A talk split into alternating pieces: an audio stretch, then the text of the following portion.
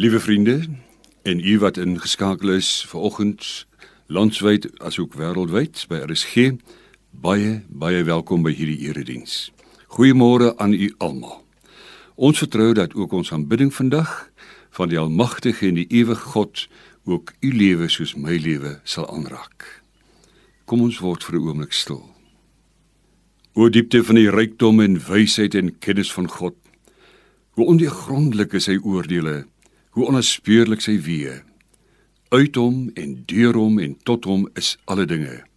Aan hom behoort die heerlikheid tot in alle ewigheid. Amen. Ek groet in die naam van die drie-enige God, die God die Vader wat U oneindig liefhet. God die Seun wat sy lewe as losprys gegee het sodat jy en ek vrygekoop is uit die mag van sonde. God die Heilige Gees, deur wie ons nuutgebore word as kinders van God mag sy genade, sy barmhartigheid en liefde oorvloediglik in u lewe wees. Liewe vriende, ons sing saam hierdie baie bekende Kerslied Welkom o stille nag van vrede.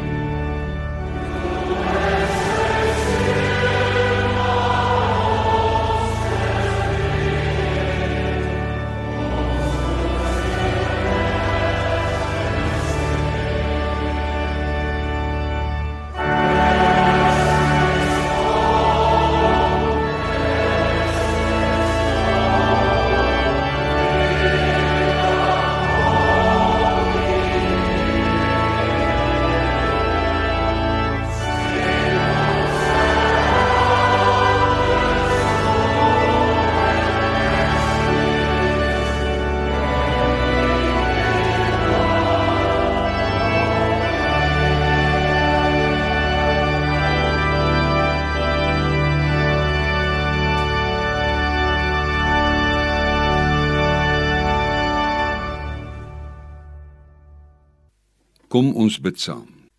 Heilige God en Hemelvader, ons dank U vir U oneindige liefde en genade dat U ons nog hier in vryheid kan aanbid, hier in die huis en agter die radio, in ons huis of op 'n siekbed of in die afsondering van 'n sel. En ons weet, geen muur of skans kan u keer om nou deur u gees by ons te wees nie. Ons bid vir ons land en sy mense. Here ons God, steek u hand uit van genesing na elkeen wat siek is. Hulle wat geliefdes in die dood afgestaan het deur die pandemie of watter omstandigheid ook al. Vir elke gesondheidswerker wat hulle eie lewe in die spervuur plaas met hulle toegewyde diens. Wil U hulle bewaar van infeksie en hulle u hande van genesing maak. Dankie vir elkeen van die kinders wat hulle hande diep in die geldsakke gesteek het, ook hulle wat hulle tyd en werk opgeoffer het om hulle wat ly as gevolg van brande en droogte by te staan.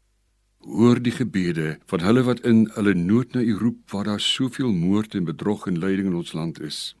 Versterk ons regering. Hulle wat reg en geregtigheid in ons land moet handhaaf. Here, wees ons genadig. Wil nou u woord breek sodat daar jy gevoed mag word en gevul word met die volheid en die vreugde wat kom as u spreek. In Jesus se naam. Amen. Liewe vriende, ons lees saam uit die baie bekende pastorale brief van Paulus aan die gemeente in Efese, so rondom 2000 jaar gelede.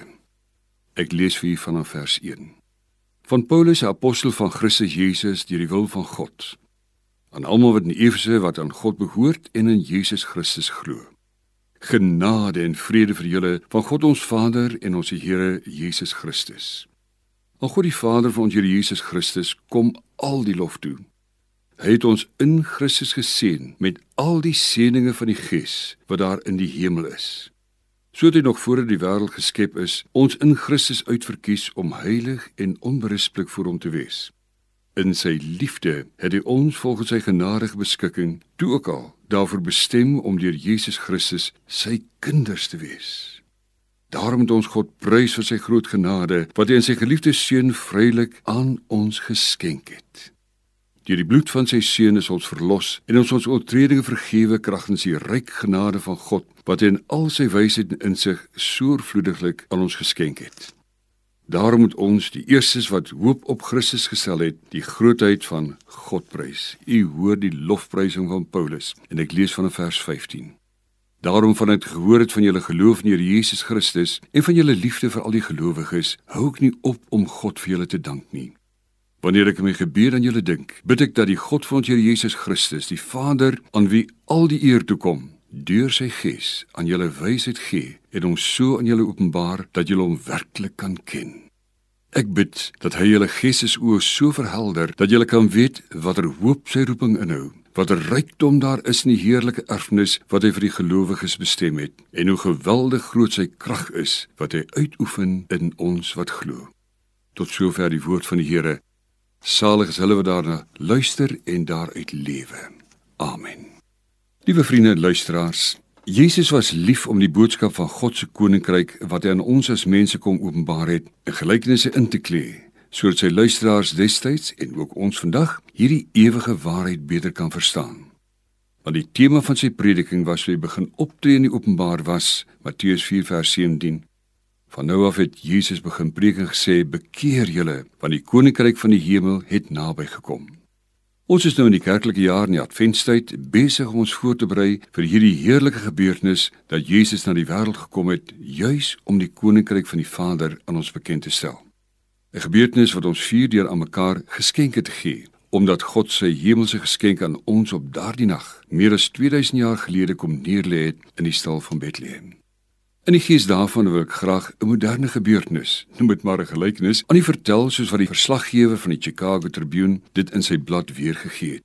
Hy vertel dat die direkteur hom die opdrag gegee het om ondersoek in te gaan stel en 'n berig te skryf oor die mees behoeftigste mense in Chicago tydens die Kerstyd. In sy soektog na die mees behoeftige mense, het sy pad hom gelei na die 60-jarige perfekte Ta en haar twee kleinkinders. Hulle vorige woonplek het afgebrand en hulle kon net so 'n klein tweekamer woonselletjie in Westside Chicago bekom. Hy klop aan en word vriendelik ingenooi. En binne kyk hy die woonstel rond en sien niks. Die woonselletjie is amper 100% leeg.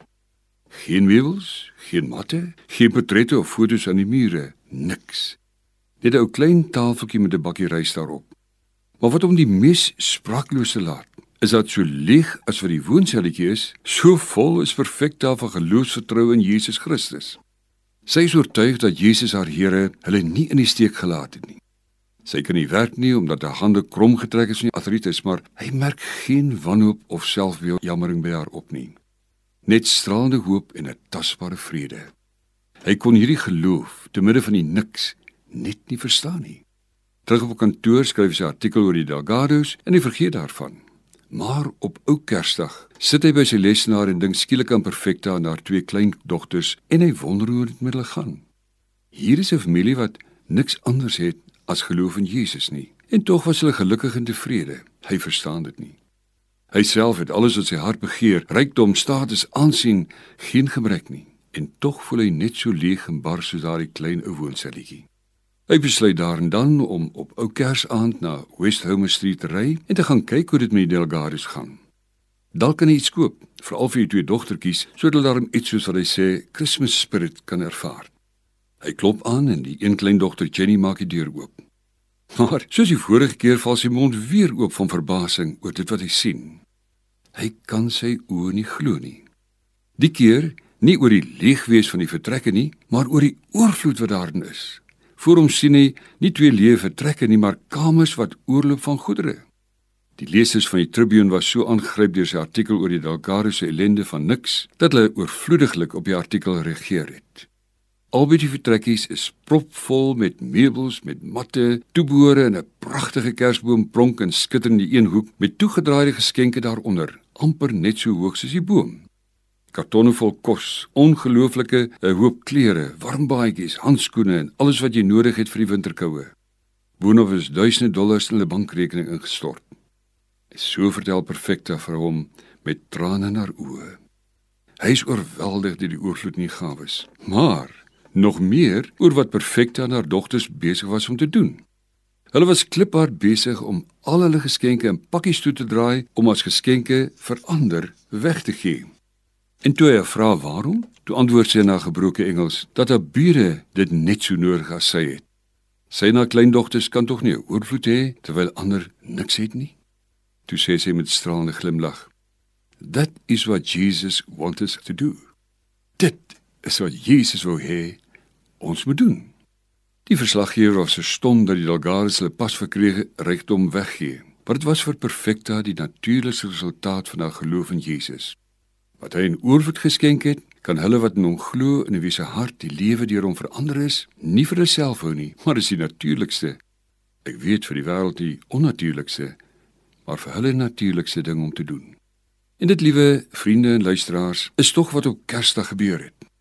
In die bekende teks van Johannes 3 vers 16 en 17 staan dit met vet letters geskrywe: God het die wêreld so liefgehad dat hy sy enigste seun gegee het sodat die wat in hom glo nie verlore sal gaan nie, maar die ewige lewe sal hê. God het sy seun na die wêreld toe gestuur om die wêreld te veroordeel nie, maar sodat die wêreld deur hom gered kan word. Hoor jy wat hy sê? God die Vader het sy besondere geskenk op Kersdag toegedraai in doeke sodat van die eenvoudigste mense van daardie tyd, die herders, tot by die hoogste, die engele in die hemel kon juig oor hierdie besondere geskenk van die Vader. En dis van hierdie geskenk van die Hemelse Vader Jesus Christus wat die eenvoudige maar diepgelowige perfekte sê, dit is wat Jesus wil hê dat ons moet doen. Sy wat 'n oorvloed ontvang het, dat sy met geloof en liefde kan uitdeel aan hulle wat niks het nie.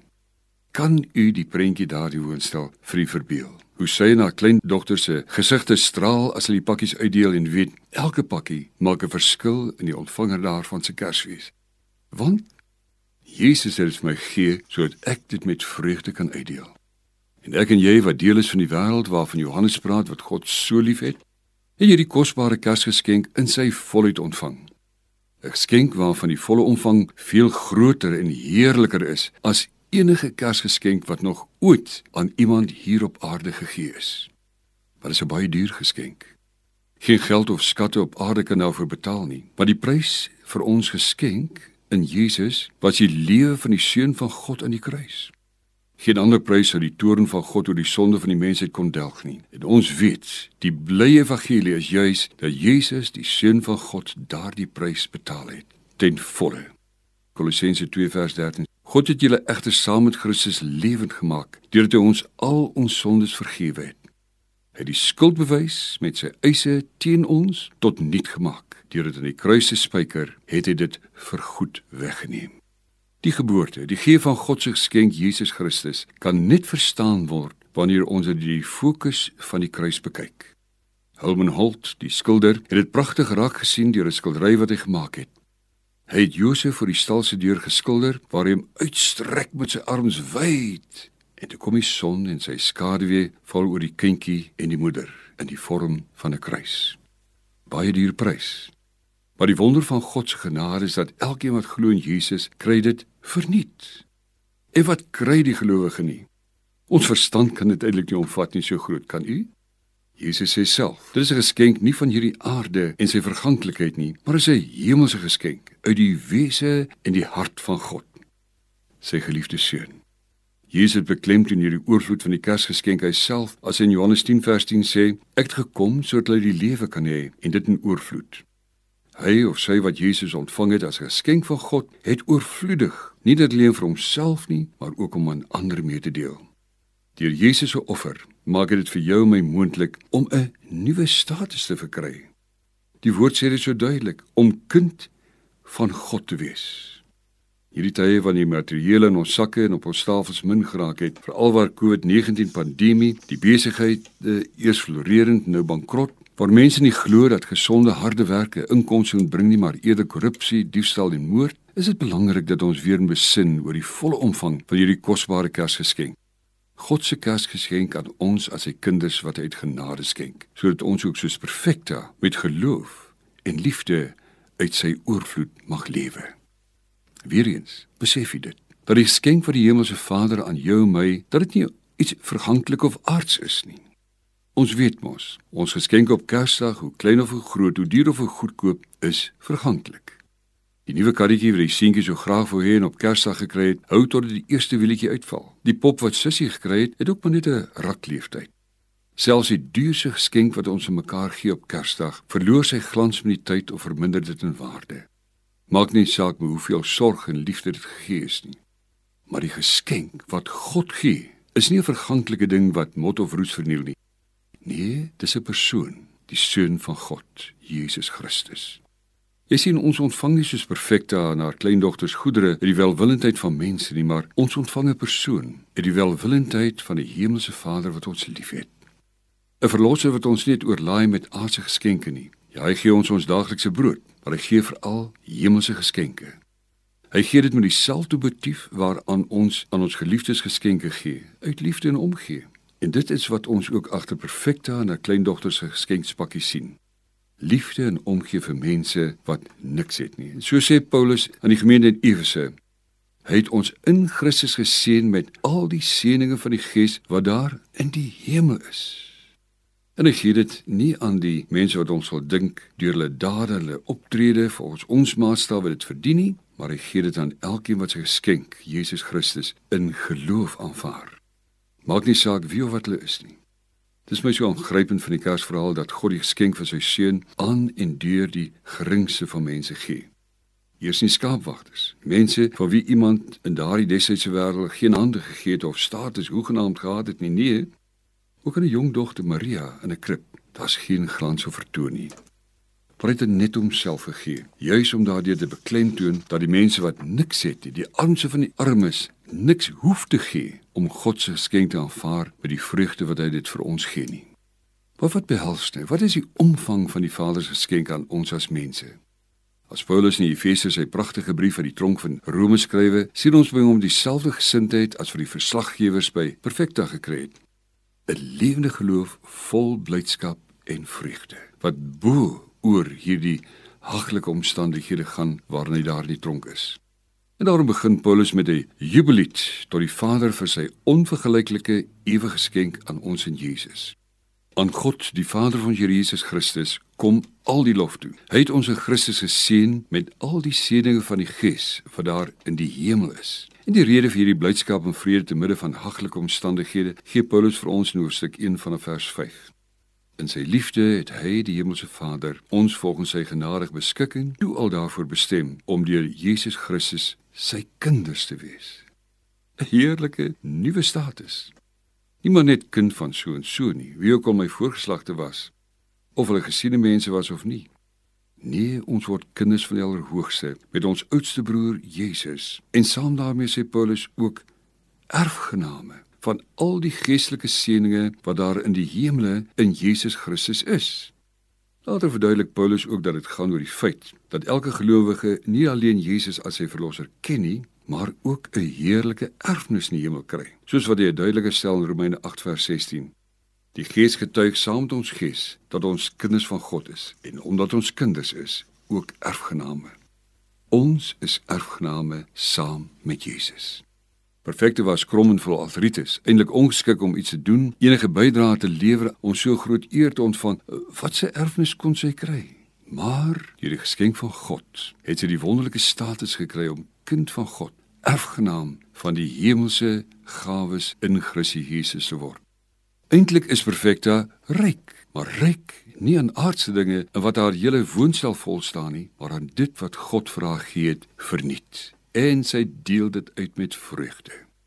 En dan skryf Paulus: Daarom moet ons God prys vir sy groot genade wat hy in sy geliefde seun vrylik aan ons geskenk het, gegee het. Geen voorwaarde van hoeveel dit gaan kos om so status te kry of om te kwalifiseer om kind van God te word nie.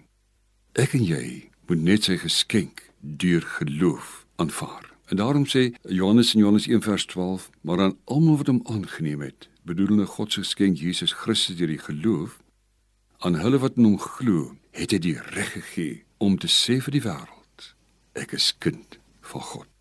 Perfek dat hy daarvoor gewerk het, sy kon nie, sy was te vol artritis.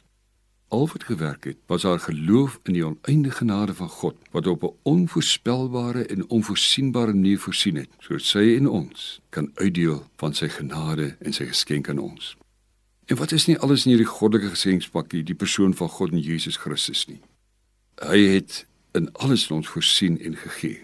Daarom jubel Paulus verder. Hy gee dan die rede waarom hy ons kinders van God gemaak het. Ons kom ons herhaal dit. Deur die bloed van sy seun is ons verlos. Van die slaweketings van sonde is ons oortredinge vergewe. Kragtens die ryk genade van God wat hy in al sy wysheid en insig en dan daardie woord so oorvloediglik aan ons geskenk het. Dis duidelik dat Paulus hier van 'n ander oorvloed praat as 'n rekening wat met miljoene rande gelaai is, want hy het niks aan materiële rykdom nie. Hy sit in 'n stinkende ondergrondse tronk met net sy kleed aan, niks anders as sy geloof en die trou van Jesus Christus, soos perfekte. En tog jubel hy oor die oorvloed van genade wat God uitdeel. En daarom kan hy dit uitdeel en kan hy voortgaan en kan hy eenvoudig vertel dat hierdie gawes wat God gee nie net alleen bestem is vir die aarde nie, maar is ook bestem om ons oor die laaste grens van die dood te neem, die heerlikheid wat daar is in Jesus Christus. En daarom kom hy en hy sê die Heilige Gees is die waarborg dat God vir ons verder gee, naamlik die ewige lewe. daarmee die ewige erfenis. Kan u jouself voorstel dat Jesus wat die Kersgeskenk van God aan ons is, dat hy wag vir ons, soos wat Psalm 23 vir ons sê, die Psalm die goeie herder en hy ook vir ons Johannes 10 sê. Hy wag daar vir ons om vir ons in die heerlike huis van God wat hy self gaan voorberei het, al die gawes te gee wat hy vir ons wil gee. Daarom sê Paulus in Kolossense 1 vers 11: Mag God wat oor die mag en die heerlikheid beskik, julle versterk en aan julle die krag gee om in alle omstandighede. Ja, God ken jou omstandighede. Met geduld te volhard julle wat die Vader deel gemaak het aan die erfenis wat vir die gelowiges wag in die ryk van die lig. Hy het ons uit die mag van die duisternis weggeruk en ons onder die heerskappy gesteun van sy seun wat hy so liefhet. Liewe vriende, wat maak ek en jy met hierdie oorvloed? Wat maak ons met hierdie hemelse gawe wat nie net alleen vir ons verseker van 'n vriend in Jesus, 'n oudste broer in Jesus, Hy wat vir ons die weg van die dood geloop het en dit oorwin het. Hy wat vir ons wag en nie kan wag om vir ons ook die hemelse heerlikhede uit te deel wat hy vir ons voorberei het nie. Wat maak ons daarmee? Natuurlik het jy 'n keuse nie waar nie. Jy kan hierdie Kersfees soos die verslaggewer deurbring vol van die wêreld, maar leeg soos die woonselletjie van perfekte. Dis jou keuse. Liewe vriend en vriendin, sal dit nie wonderlik wees dat hierdie uitsonderlike jaar die jaar van die pandemie, dat dit 'n keerpunt in jou lewe sal wees. 'n Jaar waarin jy 'n keuse maak om ten volle die Kersgeskenk van Jesus Christus te aanvaar. Dat hy die Heer van jou lewe word.